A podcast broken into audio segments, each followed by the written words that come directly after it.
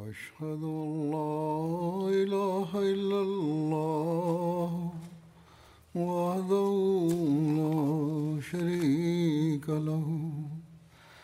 وأشهد أن محمدا عبده ورسوله. أما بعد فأعوذ بالله من الشيطان الرجيم. بسم الله الرحمن الرحيم.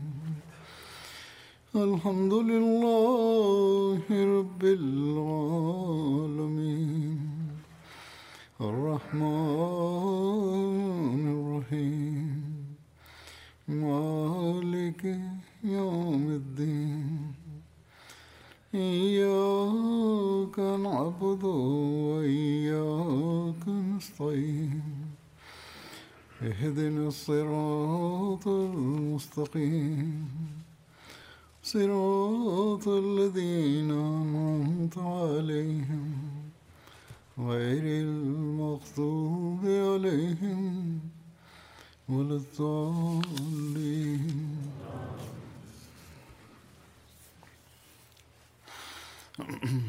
يكتب إلي بعض الناس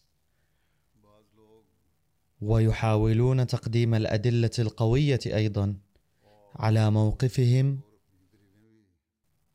أن ظروف الجماعة كما هي في باكستان حاليا أو في بعض الأماكن الأخرى تقتضي أن نبدي رد الفعل بدلا من الالتزام بالصبر. وكفانا صبرا.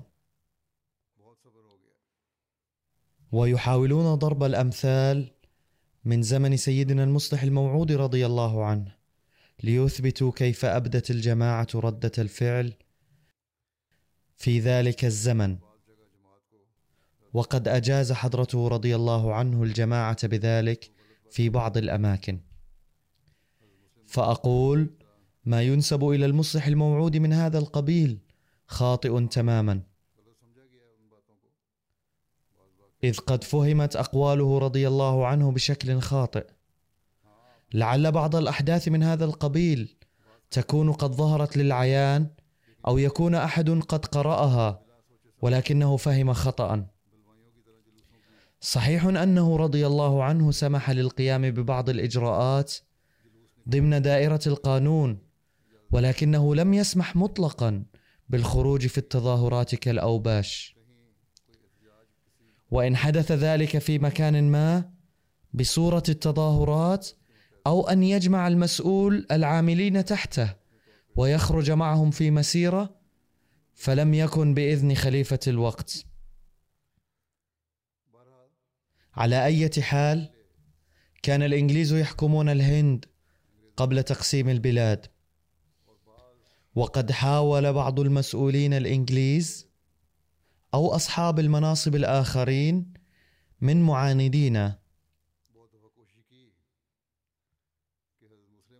أن يعدوا خطابات سيدنا المصلح الموعود رضي الله عنه مثيرة على الفساد أو يعدوها مثيرة للفتنة ثم ليقبضوا عليه.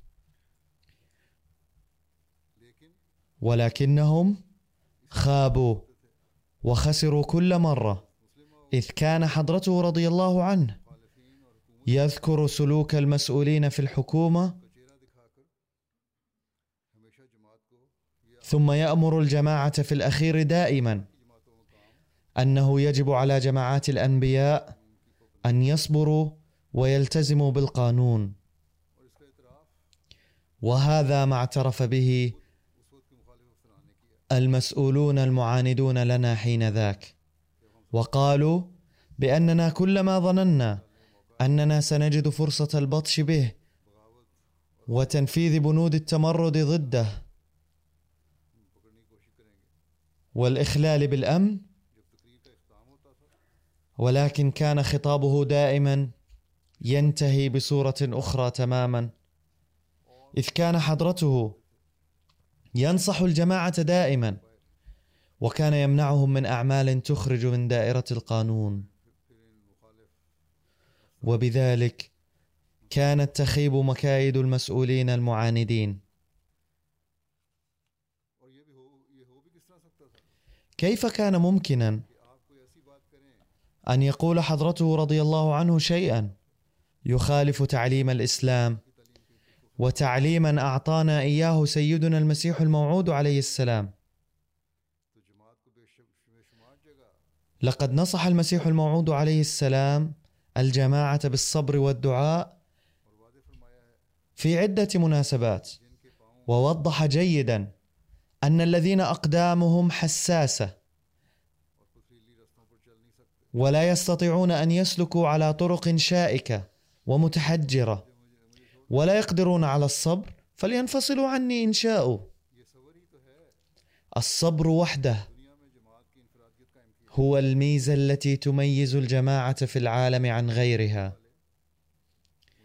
يسألني أيضا كثير من الساسة والعاملون في وسائل الإعلام هذا السؤال.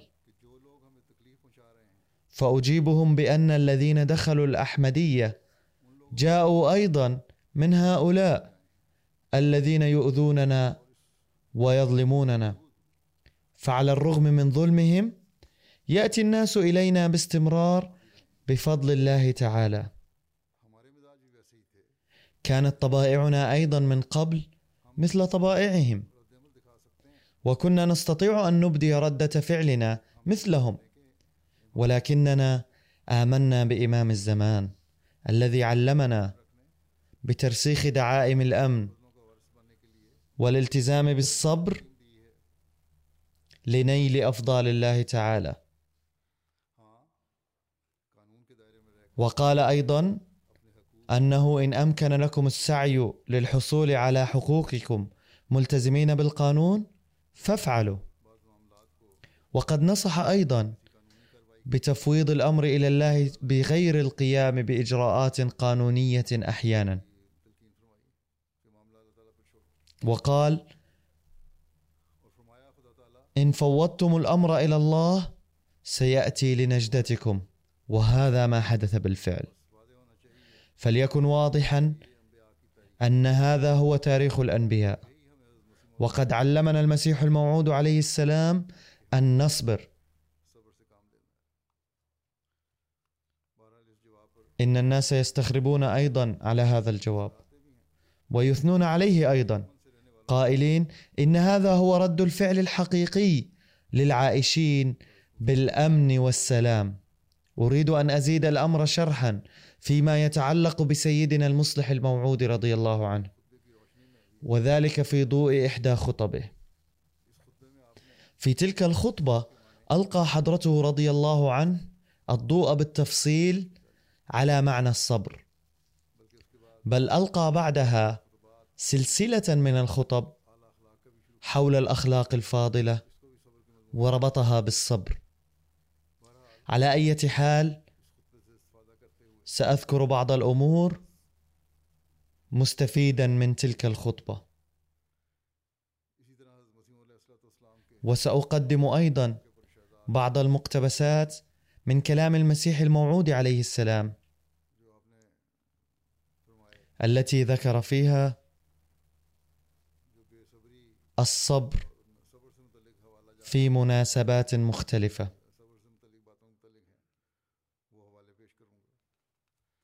حضرت مسلم معود لقد عد سيدنا المصلح الموعود رضي الله عنه الصبر اور فرمایا وقال إن الصبر من أهم واجبات جماعات کوئی وبدونها لا يمكن أن تتقدم کو اپنے ولا يمكن لها أن تقنع العالم باتباعها. ولم تسبق جماعة نالت نجاحا بغير أداء هذا الواجب. وقال شارحا عن الصبر في تفسير بعض الآيات بقوله إن الصبر نوعان. أحدهما عندما لا يجد الإنسان قدرة على المقاومة. وهذا الصبر ناتج عن الاضطرار. أما إذا صبر المرء مع القوة فهذا هو الصبر الحقيقي. أي عدم الرد بالعملة نفسها على المفسدين والظالمين.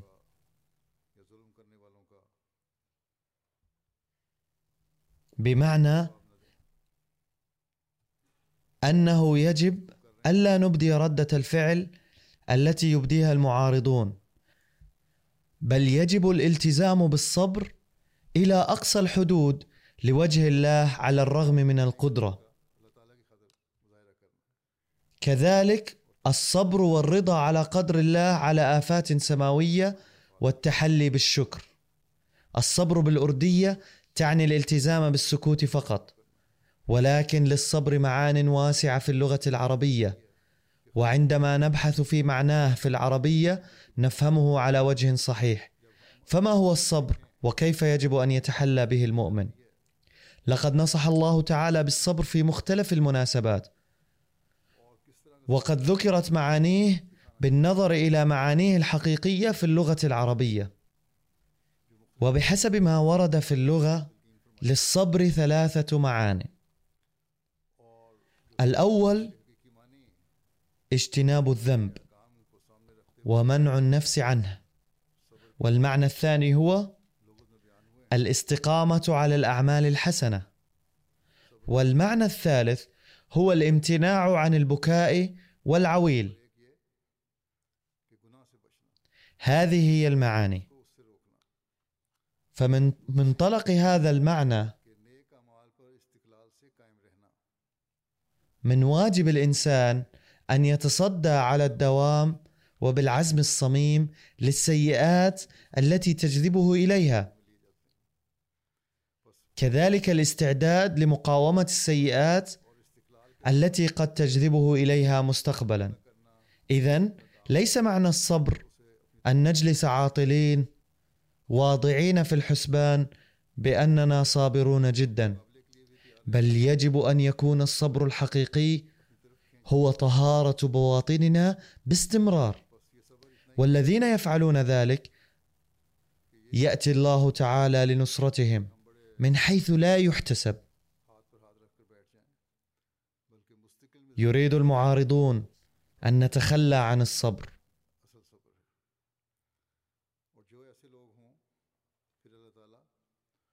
ونقوم بأعمال تجعلهم ناجحين في مكايدهم. ولكن الله تعالى يأمرنا أن نستخدم العقل والفطنة.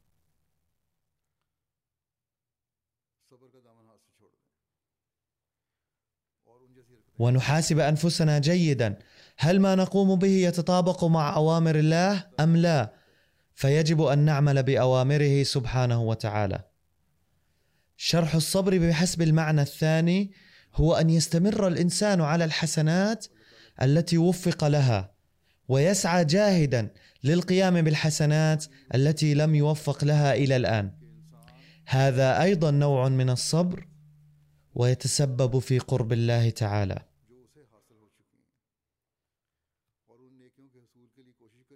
ومن المعلوم أن المرء يوفق لهذا النوع من الصبر بكثرة الدعاء كما يقول الله تعالى في القرآن الكريم واستعينوا بالصبر والصلاة.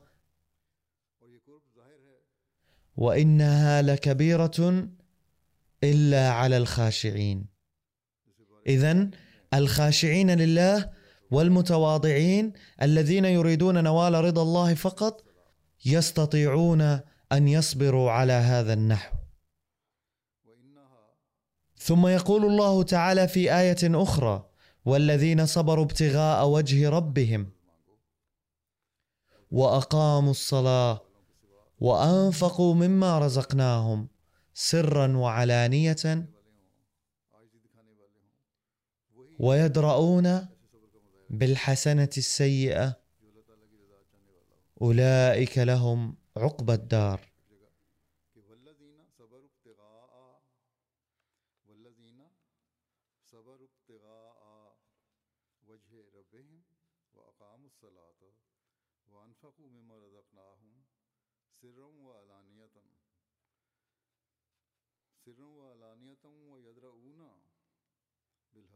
السيئة أولئك لهم عقبى الدار.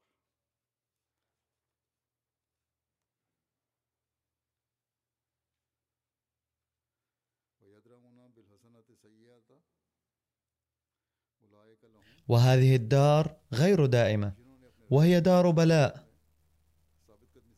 والدار الآخرة يفوز بها الذين يبتغون وجه ربهم.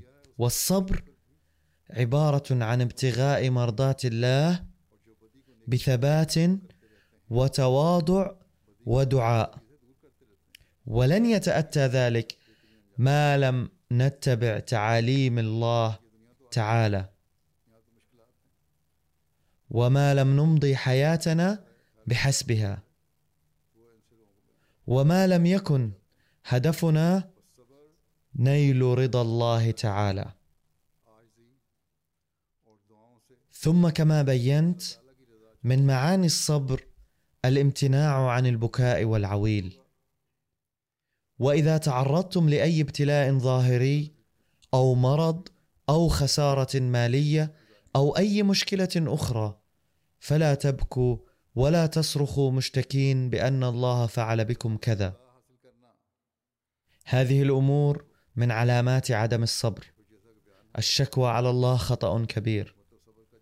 ينبغي أن نفكر دوما أن كل ما لدي هو إنعام من الله. وإذا أخذه الله اليوم فسوف يعطيه غدا. فالذين يملكون هذا التفكير هم المؤمنون وهم الصابرون حقيقة في نظر الله.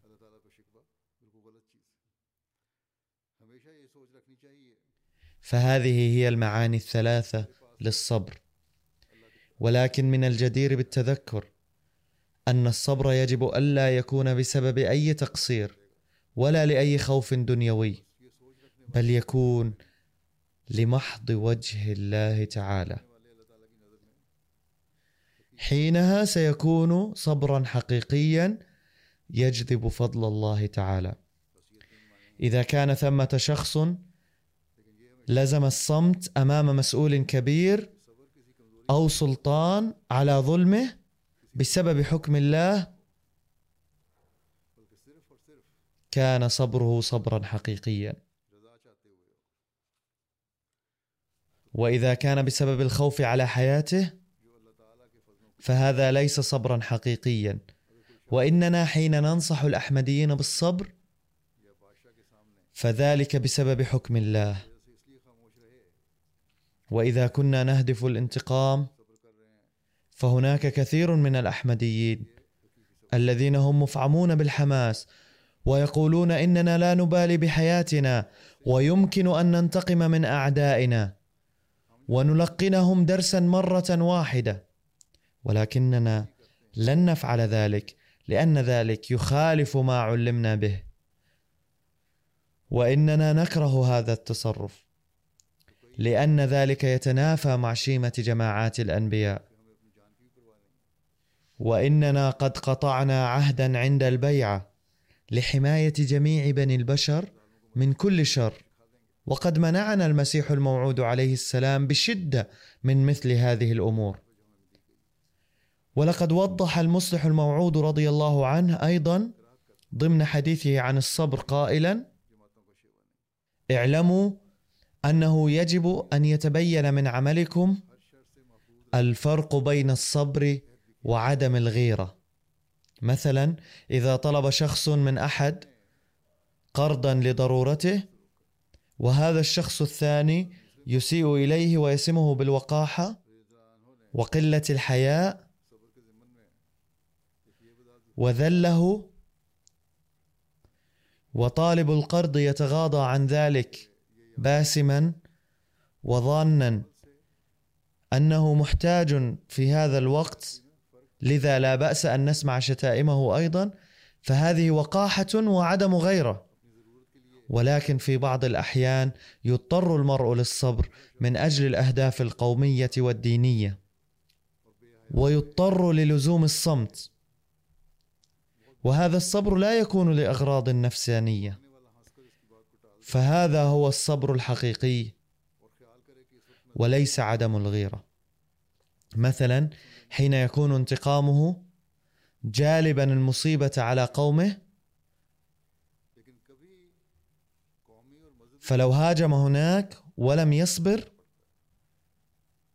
فهو سيسمى سفيها لأنه بتصرفه هذا يسيء إلى قومه. فحين لا ينتقم لمنفعة قومه أو لحمايتهم من الخسارة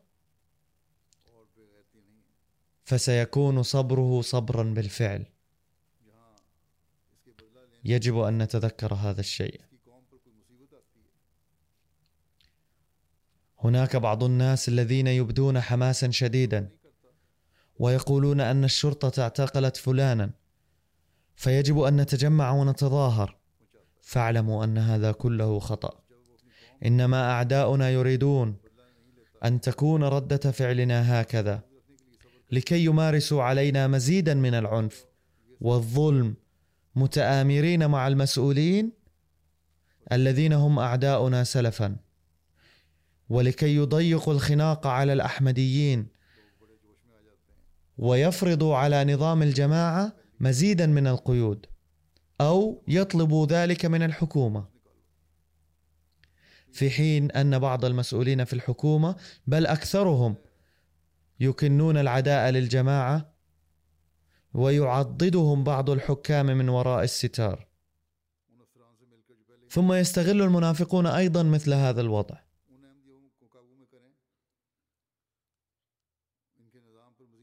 فكلما كانت ردود الفعل مثل هذه ساءت الظروف أكثر. وهذا ما رأيناه. وهذا ما سيحدث الآن أيضا. وهذا ما جربناه في الماضي أيضا. أن مثل ردود الفعل هذه أدت إلى أن تسوء الظروف أكثر. هناك بعض الأحداث في تاريخ الجماعة التي أضرت بدلا من النفع. وحين اتخذت إجراءات قانونية لإصلاح الوضع بالصبر نفعت في كثير من المواقف وإن لم ينفع ذلك في كل المواقف. المهم أننا حين نبلغ رسالة أننا نحن أيضا من القوم نفسه ويمكن أن تظهر ردة فعل خاطئة منا أيضا أو من بعضنا. ولكننا نجتنبها لأنها تخالف تعليم الإسلام فذلك يؤثر ايجابيا في بعض المسؤولين شيئا فشيئا. وهذا ما حدث بحسب ما جربنا. وإذا بدأنا نرد الشتائم بالشتائم والضرب بالضرب فذلك يؤثر سلبيا في الذين نبلغهم دعوة الأحمدية فيكون لهم حق أن يقولوا ما هو التغيير الحسن الذي أحدثه المسيح الموعود عليه السلام فنقبل دعوته؟ إذ تعاملون أعداءكم مثل ما يعاملونكم. إن من سنة الأنبياء وجماعاتهم أنهم يصبرون ويدعون كما أمر به الله ورسوله وكما علمنا المسيح الموعود عليه السلام أيضا. فعلينا أن نتذكر دوما أن علينا تحمل المصائب العارضة والصغيرة من أجل المصالح الشاملة للجماعة.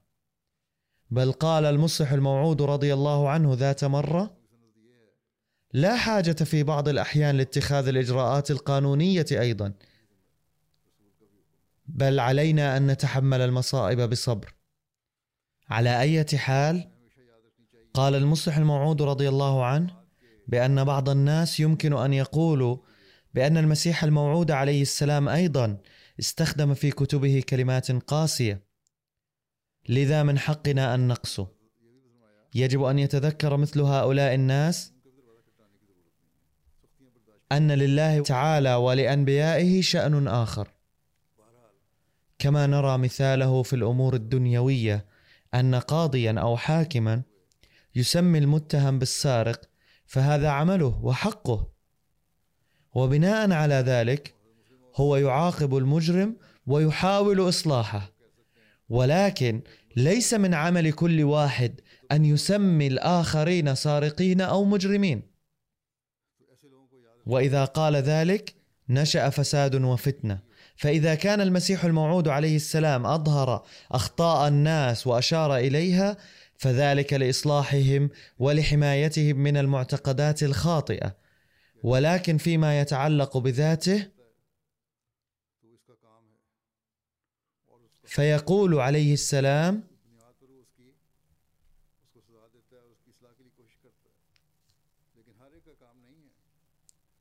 إنني أدعو لهم بعد أن أسمع منهم الشتائم. إن رحمي هائج وقد كظمت الغيظ. هذا ما علمنا المسيح الموعود عليه السلام بأن تتحملوا مظالم الآخرين بالصبر.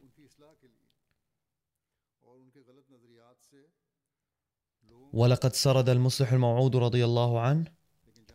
واقعة من حياة المسيح الموعود عليه السلام. كمثال. وهي أن حضرة المسيح الموعود عليه السلام كان ذات مرة راكبا في عربة حصان في مدينة لاهور. وكان أشرار المدينة يرمونه بالحجار التي كانت تصيب العربة.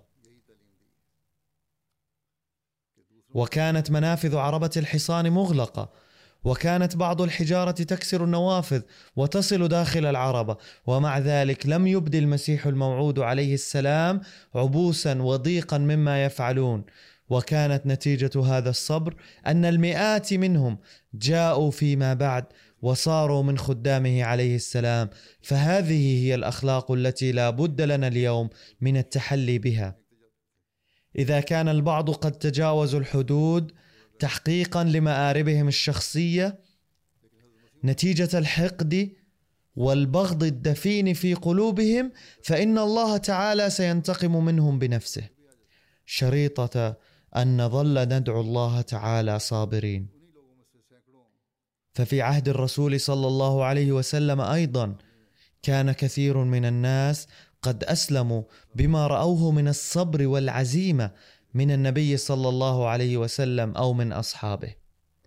ونجد هذه الأمثلة في هذا العصر أيضا كما قال حضرة المصلح الموعود رضي الله عنه بأن كثيرا من الناس انضموا إلى جماعة سيدنا المسيح الموعود عليه السلام برؤية صبره على الأذى. ونرى اليوم أيضا بأن كثيرا من الناس يرسلون لي رسائلهم من شتى البلاد يخبرونني فيها أنهم قد دخلوا في الجماعة برؤية أمثلة الصبر من أبنائها. قال المسيح الموعود عليه السلام مرة وهو يوصي جماعته بالصبر الصبر جوهرة عظيمة.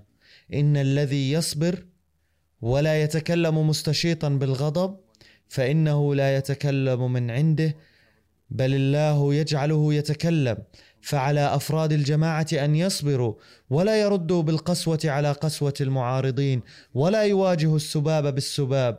إن الذي يكذبنا ليس لزاما عليه أن يتكلم بالأدب والاحترام. ثم قال عليه السلام وتوجد أمثلة كثيرة على ذلك في حياة النبي صلى الله عليه وسلم. فليس هناك شيء مثل الصبر ولكن الصبر صعب جدا والله يؤيد الصابرين. ثم يرسم المسيح الموعود عليه السلام حال جماعته ويذكر الصعوبات التي يواجهها الأحمديون الجدد. موصيا أبناءها بالصبر فيقول إن جماعتنا أيضا تواجه من المصاعب ما تعرض له المسلمون في زمن النبي صلى الله عليه وسلم. وأولى هذه المصائب أنه ما إن يدخل أحد في جماعتنا إلا ويخذله الأصدقاء والأقارب على الفور ويعاديه أحيانا الوالدان والإخوة والأخوات أيضا حتى إنهم لا يردون عليه السلام ولا يصلون عليه صلاة الجنازة. فهناك مصائب كثيرة من هذا القبيل. وأعلم أن البعض من الجماعة ذو طبائع ضعيفة ويصابون بالقلق عند حلول هذه المصائب. ولكن تذكروا جيدا أنه لا مناص لنا من مثل هذه المصائب. إنكم لستم بأفضل من الأنبياء والرسل لقد حلت بهم مثل هذه المصائب والمشاكل وإنها لم تحل بهم إلا ليزدادوا إيمانا بالله تعالى ولتتاح لهم الفرصة لإحداث التغيير الطيب في نفوسهم. فواظبوا على الدعاء. لا بد من أن تتأسوا بأسوة الأنبياء والرسل وأن تتبعوا سبل الصبر ولا ضرر عليكم في ذلك. الصديق الذي يخذلكم بسبب قبولكم الحق ليس بصديق صدوق لكم. وإلا لكان عليكم ألا تختصموا مع الذين يهجرونكم بسبب انضمامكم إلى جماعة أسسها الله تعالى. بل ادعوا لهم في السر ليهبهم الله البصيرة والمعرفة التي وهبكم إياها بفضله. فحضرته عليه السلام لم يمنعنا من النزاع والفساد فحسب بل أمرنا بأن ندعو لهم ونكن لهم في قلوبنا المواساة. لكي يكونوا أيضا من الذين يعرفون الحق. ثم قال عليه السلام برهنوا بأسوتكم الطيبة وسيرتكم الحسنة على أنكم قد سلكتم الصراط القويم. إنني مأمور بأن أنصحكم مرة بعد أخرى بأن تجتنبوا مواقف الفساد والشر والنزاعات واصبروا على الشتائم وقابلوا السيئة بالحسنة. إذا استعد أحد للفساد فالأفضل أن تنسحبوا من عنده. وردوا عليه بالرفق. القرآن أيضا يأمر بأن اخرجوا من مثل هذه المجالس والمواقف. في كثير من الأحيان يعارض المرء بحماس مفرط وتلجئه المعارضة إلى الفساد والشر مما يؤدي إلى هياج الناس وثورتهم. ولكنه عندما يتلقى جوابا لينا من خصمه ولا يواجه بالشتائم مقابل الشتائم فإنه يخجل بنفسه على تصرفه. لا شك أن معظم الناس في هذا العصر صاروا عديمي الحياء ويزدادون عدوانا رغم السلم أيضا.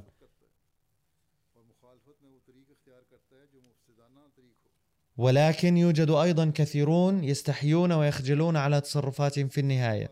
في بعض الخطب الماضية تحدثت عن الأحداث التي وقعت في بنغلاديش مؤخرا وذكرت فيها مثالا لشاب أحمدي بأنه لما قال لأحد المشاغبين المهاجمين هل تعلم ماذا تفعل وباسم من تفعل هكذا؟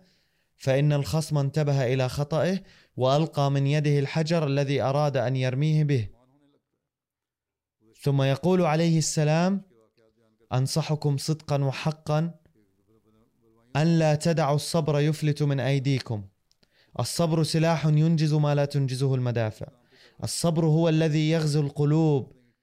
اعلموا يقينا بأني أصاب بألم شديد حين يبلغني أن احدا من جماعتي قد تشاجر مع أحد. إني لا أحب هذا التصرف ابدا كما أن الله تعالى أيضا لا يحب للجماعة التي قدر لها أن تكون نموذجا مثاليا للجنس البشري أن تسلك هذا السبيل الذي ليس من سبل التقوى. بل ها إني أصرح لكم بأن الله تعالى قد أوصى بهذا الأمر بحيث أن احدا لا يتحلى بالصبر والحلم رغم كونه من هذه الجماعة فليتذكر أنه ليس من هذه الجماعة. هذا تحذير شديد يجب أن نضعه في الحسبان دائما. ثم قال عليه السلام إن أكبر ما يمكن أن يثير حفيظتكم وحماسكم هو أنهم يكيلون إلي أقذر الشتائم. يقول عليه السلام إنما سبب هياجكم أنهم يسبونني سبا قذرا. وأقول لكم عليكم أن تفوضوا هذا الأمر إلى الله تعالى لأنكم لا تستطيعون أن تفصلوه ففوضوا أمري إلى الله تعالى ورغم سماع هذه الشتائم تحلوا بالصبر وتحملوا. وما يدريكم كم من شتائم أسمعها. كثيرا ما تأتيني رسائل مليئة بالشتائم كما يشتمونني في بطاقات مكشوفة. وأتلقى رسائل لا يدفع مرسلوها رسوم البريد بل علي أن أدفعها. وعندما أفتحها لا أجد فيها إلا شتائم قذرة. لا أظن أن نبيا شتم بمثلها من قبل. ولا أظن أن أبا جهل أيضا كان بوسعه أن يكيل مثل هذه الشتائم. أي أن السباب الذي يسبونني به ما كان ممكنا لأبي جهل أيضا أن يسب به ولكني مضطر لأسمع كل ذلك. فما دمت أصبر أنا فعليكم أيضا أن تصبروا. الفرع لا يفوق الشجرة.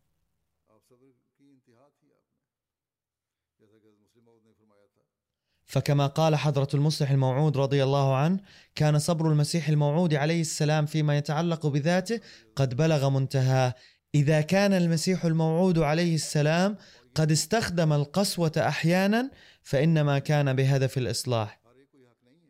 وكان هذا الحق قد منحه الله تعالى وهذا الحق لا يمنح لكل واحد. وما دمنا لم نعطى هذا الحق ومع ذلك إذا لم نقم بإصلاح أنفسنا بل تصرفنا بما ينافي هذا التعليم فهناك إمكانية أكبر لانتشار الفساد والشر. ثم يقول حضرته عليه السلام يجب أن تروا إلى ما سيستمر هؤلاء في كيل الشتائم. سيتعبون أخيرا ويتوقفون. لا يمكن لشتائمهم وشرورهم ومكايدهم أن تهزمني ابدا وينبغي ألا نتعب نحن أيضا بسببها. لو لم أكن من الله لخفت شتائمهم حتما. ولكنني أعلم يقينا بأن الله بعثني فلماذا أبالي بهذه الأشياء السخيفة؟ لا يمكن أن يحدث هذا ابدا. فكروا بأنفسكم. من تضرر بشتائمهم؟ أنا أم هم أنفسهم؟ لقد نقصت جماعتهم وازدادت جماعتي. أي أن زيادة الجماعة تتحقق من خلال انضمام الناس إليها من بين جماعة هؤلاء. إن كان لشتائمهم أن تعرقل سبيلي فمن أين جاءت جماعتي البالغ عددها أزيد من 200 ألف نسمة؟ أي كان عدد الجماعة قرابة 200 ألف نسمة في الزمن الذي تكلم حضرته بهذا الكلام. أما اليوم فبفضل الله تعالى قد بلغت دعوته جميع بلاد العالم وأقيمت جماعته فيها. هل حدث كل هذا من خلال إبداء ردة فعل أو إظهار قوة ما؟ كلا بل هي نتيجة التضحيات والصبر والدعوات. فينبغي أن نبقى متحلين بالصبر لتحقيق هذا الهدف الأكبر ثم يقول حضرته هل جاء هؤلاء الناس من جماعة المعارضين أو من مكان آخر؟ لقد أطلقوا علي فتاوى الكفر ولكن ماذا كان تأثير فتاوى الكفر هذه؟ لقد ازداد عدد جماعتي لو كان هذا الأمر نتاج تخطيطي أنا لكان من الواجب أن تؤثر تلك الفتوى سلبا ولسببت عرقلة عظيمة في طريقي ولكن الذي كان من عند الله ليس بوسع الإنسان أن يرده. المكايد التي تحاك ضدي لا يسع العارفين إلا أن يتحسروا عليها. أقول بكل صراحة ووضوح بأن الذين يعارضونني كأنهم يضعون يدهم أمام نهر عظيم يجري بكل قوته ويريدونه أن يتوقف. أي إنهم بوضعهم أياديهم أمام موجة الماء العارمة التي تجري بصورة نهر عظيم يظنون أنه سيتوقف ولكنه لا يمكن أن يتوقف ابدا. إنهم يحاولون من خلال شتائمهم أن يضعوا حدا أمام هذا النهر ولكن يجب أن يعرفوا جيدا أنه لن يتوقف ابدا. هل يليق بالشرفاء أن يكيلوا الشتائم؟ إنني أتأسف على هؤلاء المسلمين وأتساءل أي نوع من المسلمين هؤلاء بحيث يطلقون ألسنتهم بمثل هذه الجسارة؟ حيث يكولون شتائم عجيبة وغريبة في تظاهراتهم في باكستان. قال حضرته عليه السلام أقول حلفا بالله بأنني لم أسمع مثل هذه الشتائم البذيئة من أحط الناس مكانة في المجتمع أيضا مثل ما سمعتها من هؤلاء الذين يدعون مسلمين. إن هؤلاء الناس يظهرون بواطنهم من خلال هذه الشتائم. أي يتضح من خلال شتائمهم نوع التفكير الذي يملكونه ونوع الأعمال التي يقترفونها وكأنهم يعترفون أنهم فاسقون وفاجرون. ندعو الله تعالى أن يفتح عيونهم ويرحمهم. ثم يقول عليه السلام إن هؤلاء الشاتمين لا يستطيعون أن يضروا الله شيئا وإن كانوا عشرة ملايين. يزعمون أنهم لن يخسروا إلا بطاقة ثمنها مليم واحد ولكنهم لا يدركون أنهم إلى جانب خسارتهم مليما يسودون صحيفة أعمالهم. لا أفهم لماذا يشتمونني. ألأنني أقول ألا تتركوا القرآن ولا تكذبوا النبي. صلى الله عليه وسلم والأدهى والأمر من ذلك أنه قد ورد في القرآن الكريم أن عيسى عليه السلام قد مات ولن يعود إلى الأرض ولكنهم لا يقبلون ومصرون على الاعتقاد الذي ينافي القرآن الكريم. لو لم آتي ولو لم يؤسس الله تعالى هذه الجماعة لكان من حقهم أن يقولوا ما يحلو لهم لأن منذرهم ومنبههم لم يكن موجودا. أما الآن وقد بعثني الله تعالى وأنا ذلك الذي عده النبي صلى الله عليه وسلم حكما فليس من حقهم أن يعترضوا على حكمي. كان من مقتضى التقوى أن يسمعوا كلامي ويفكروا ولا يستعجلوا. أقول صدقا وحقا أنه لا يحق لهم بعد مجيئي أن يفتحوا فمهم لأني جئت من الله حكما. الحق أن الصبر الذي أبداه النبي صلى الله عليه وسلم لا يضاهيه فيه أحد.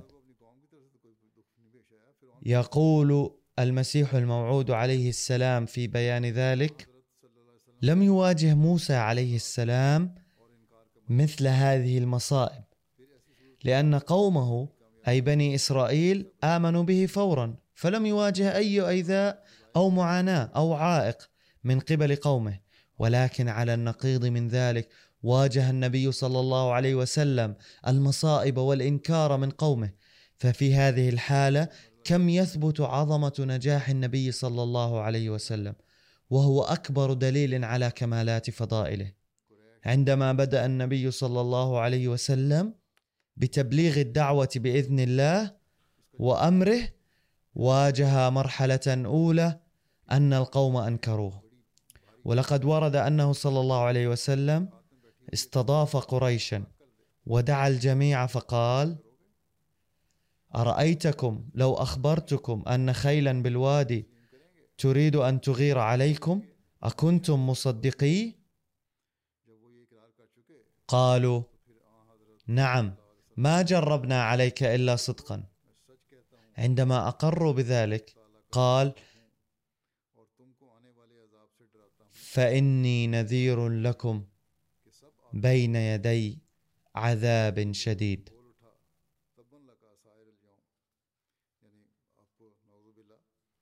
فما أن قال ذلك حتى استشاط الجميع غضبا. وقال شرير منهم تبا لك سائر اليوم.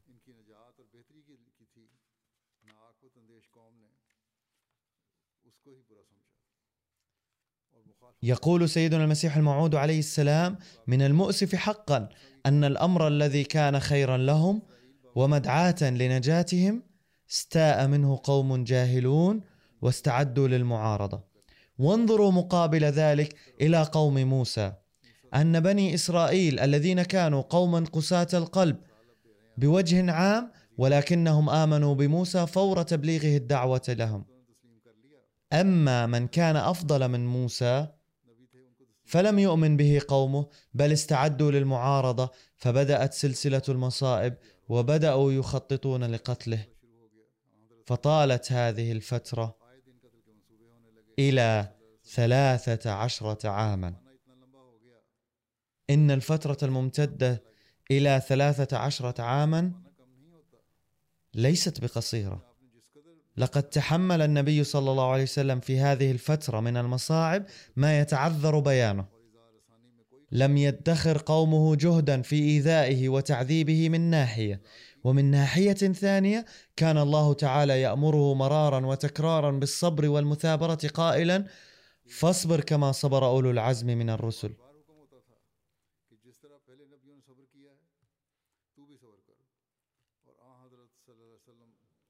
فكان النبي صلى الله عليه وسلم يتحمل كل هذه المصائب ولم يتوانى في التبليغ بل مضى قدما دائما. ثم إن صبره لم يكن كمثل الأنبياء الآخرين لأنهم كانوا قد بعثوا لأمة معينة وكان إيذاؤهم أيضا مقتصرا على هذا الحد.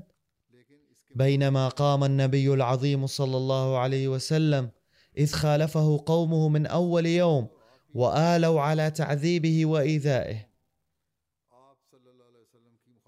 كما أن النصارى أيضا أصبحوا أعداء له. وحين قيل لهم بأن عيسى عليه السلام كان عبد الله ورسوله فقط استشاطوا غضبا لأنهم كانوا قد ألهوه. ولكن النبي صلى الله عليه وسلم كشف الحقيقة. من المعلوم أن الإنسان عندما يتخذ أحدا إلها ومعبودا لا يسهل عليه التخلي عن هذا المعتقد بل يتعذر عليه تركه. ولما كان هذا الاعتقاد راسخا عند النصارى لذا عندما سمعوا النبي صلى الله عليه وسلم أنه أثبت أن إلههم الزائف إنسان صاروا عطاشا لدمه. فمن ناحية كان قومه أعداء له ومن ناحية أخرى ناصبه الكفار والمشركون العداء ثم عاداه المسيحيون أيضا. كذلك تطرقت إلى اليهود أيضا. كثير من التقاليد الشركية فكانوا ينكرون المسيح عليه السلام انكارا مطلقا. الآن بدأ ذكر اليهود فقد تطرقت إليهم تقاليد الشرك وكفروا بالمسيح كفرا باتا ولم يكونوا جاهزين للإيمان بعيسى عليه السلام. فعندما نبهوا بذلك هبوا هم الآخرون أيضا للمعارضة. فقد صار اليهود والمسيحيون والمشركون وأتباع الأديان الأخرى معارضين له. فاليهود كانوا يسمون المسيح عليه السلام مكارا وكذابا والعياذ بالله. ولكن النبي صلى الله عليه وسلم قال لهم مقابل ذلك بأنكم أنتم الكذابون في تسميته كذابا بينما المسيح هو نبي الله العظيم. إضافة إلى ذلك كان من أسباب معارضتهم الكبيرة أنهم ظنوا لجهلهم وغباوتهم أن خاتم الأنبياء سيأتي من بني إسرائيل لأنهم وقعوا في شبهات كلمات النبوءة التي وردت عن النبي الأخير في التوراة كما جرت سنة الله. لقد ورد في التوراة أنه سيكون من إخوتكم ولكنهم ظنوا أن المراد هو بنو إسرائيل. بينما كان المراد هم بنو إسماعيل. فحين سمعوا دعوى النبي صلى الله عليه وسلم بأنه هو خاتم الأنبياء خابت آمالهم واعتبر ما كانوا يزعمونه بحسب النبوءة الواردة في التوراة باطلا. فاستشاطوا بذلك غضبا وهبوا للمعارضة. لقد جاء إلى سيدنا المسيح الموعود عليه السلام أحمدي من إحدى القرى وذكر له معارضة شيخ في قريته وطلب منه الدعاء قائلا في قريتي شيخ يعمل في المدرسة وهو يعارض الجماعة بشدة ويؤذيني أشد الأذى أرجو الدعاء من حضرتك أن يبدله الله من هناك. فتبسم حضرته ثم قال له ناصحا حين انضممت إلى هذه الجماعة فاعمل بتعليمها. فإن لم تصبك المصائب فأنى لك الثواب. فقد تحمل رسول الله صلى الله عليه وسلم الأذى في مكة على مدة ثلاثة عشرة سنة. أنتم لا تعرفون مصائب ذلك الزمن ولا هي أصابتكم. لكنه صلى الله عليه وسلم علم الصحابة الصبر حصرا. فهلك الأعداء كلهم في نهاية المطاف. ويوشك أن لا تروا أنتم أيضا هؤلاء الأشرار. ولقد أراد الله عز وجل أن ينشر هذه الجماعة الطاهرة في العالم. الآن حين يراكم هؤلاء قليلين يؤذونكم. وعندما ستكبر هذه الجماعة فسوف يسكت هؤلاء كلهم تلقائيا. لو أراد الله عز وجل لما آذوكم وما ظهر هؤلاء المؤذون لكن الله تعالى يريد أن يعلم الصبر بواسطتهم. فسترون بعد مدة قصيرة أنه لم يبق شيء. فالذي يؤذي فإما يتوب أو يفنى. وصلتني رسائل كثيرة. كتب فيها أصحابها أن كنا نطلق عليكم الشتائم ونعتبر ذلك ثوابا. لكننا الآن نتوب ونريد أن نبايع. فالصبر أيضا من العبادة. ويقول الله تعالى إن الصابرين سيعطون الأجر بغير حساب أي سيتلقون إنعامات بلا حساب. وهذا الأجر للصابرين فقط إذ لم يعد الله تعالى بذلك بحق العبادات الأخرى. فحين يعيش المرء في جوار شخص ويؤذى تجيش غيرة المجير أخيرا فيهلك المؤذي. وكذلك فإن جماعتنا أيضا في حماية الله وبتحمل الأذى يقوى الإيمان فلا شيء يماثل الصبر. ذات مرة جاء بعض الناس إلى قاديان من أجل البيعة فقال لهم حضرته ناصحا الماديون يتكلون على الأسباب لكن الله لا يضطر لاستخدام الوسائل والأسباب فهو حين يريد ينجز أعمال أحبته بدون الوسائل أيضا واحيانا يخلق لهم الوسائل ويحدث أحيانا أنه يقضي على الوسائل المهيئة. باختصار طهروا أعمالكم من الشوائب واذكروا الله سبحانه وتعالى دوما ولا تغفلوا فكما أن الحيوان الذي يجري أمام الصياد إذا تلكأ قليلا يمسكه الصياد كذلك الشيطان يصيد الغافل عن ذكر الله. أحيوا التوبة دوما ولا تدعوها تموت لأن العضو الذي يستخدم فهو العامل والنافع. أما الذي يترك ولا يستخدم فيصير عاطلا للأبد. فكذلك يجب أن تجعلوا التوبة متحركة حتى لا تموت. فإن لم تكن توبتكم صادقة فمثلها كبذرة تبذر على صخرة. أما إذا كانت صادقة فمثلها كمثل بذرة تزرع في أرض خصبة وتثمر في موعدها. في هذه الأيام تعترض هذه التوبة عوائق كبيرة. لقد قال هؤلاء للمبايعين الجدد إنكم ستسمعون كثيرا بعد الانصراف من هنا وسوف يختلق الناس أقاويل كثيرة. أنكم بايعتم مجذوما وكافرا ودجالا وسوف يسبون المسيح الموعود عليه السلام. فلا تثوروا أمام هؤلاء القائلين ابدا. إنما أمرنا من الله بالتحلي بالصبر. اذا هذه هي الأمور التي يجب أن نتذكرها دوما. فقد قال حضرته لذا ينبغي أن تدعو الله أن يهديهم أيضا.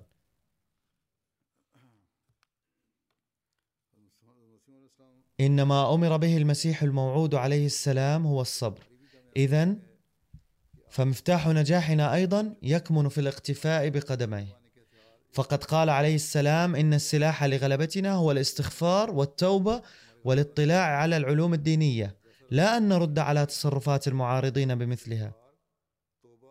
ومراعاة عظمة الله وإقامة الصلوات الخمس. الصلاة مفتاح قبول الدعاء.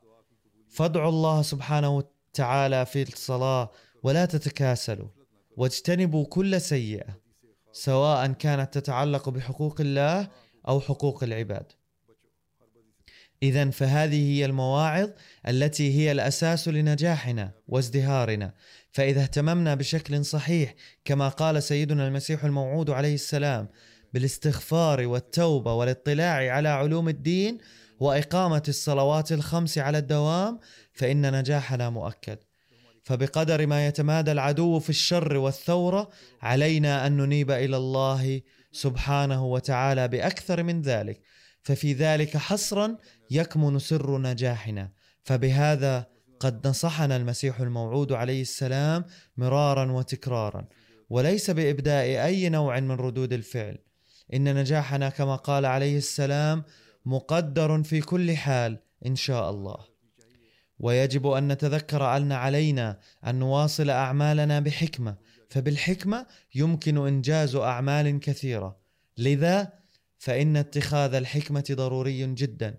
إذا أدرك كل أحمدي مسؤوليته هذه فيمكن أن نحل كثيرا من مسائلنا بتصرفاتنا ودعواتنا. رزقنا الله الصبر ووفقنا للدعاء والعمل بهذه النصائح ابتغاء مرضاته.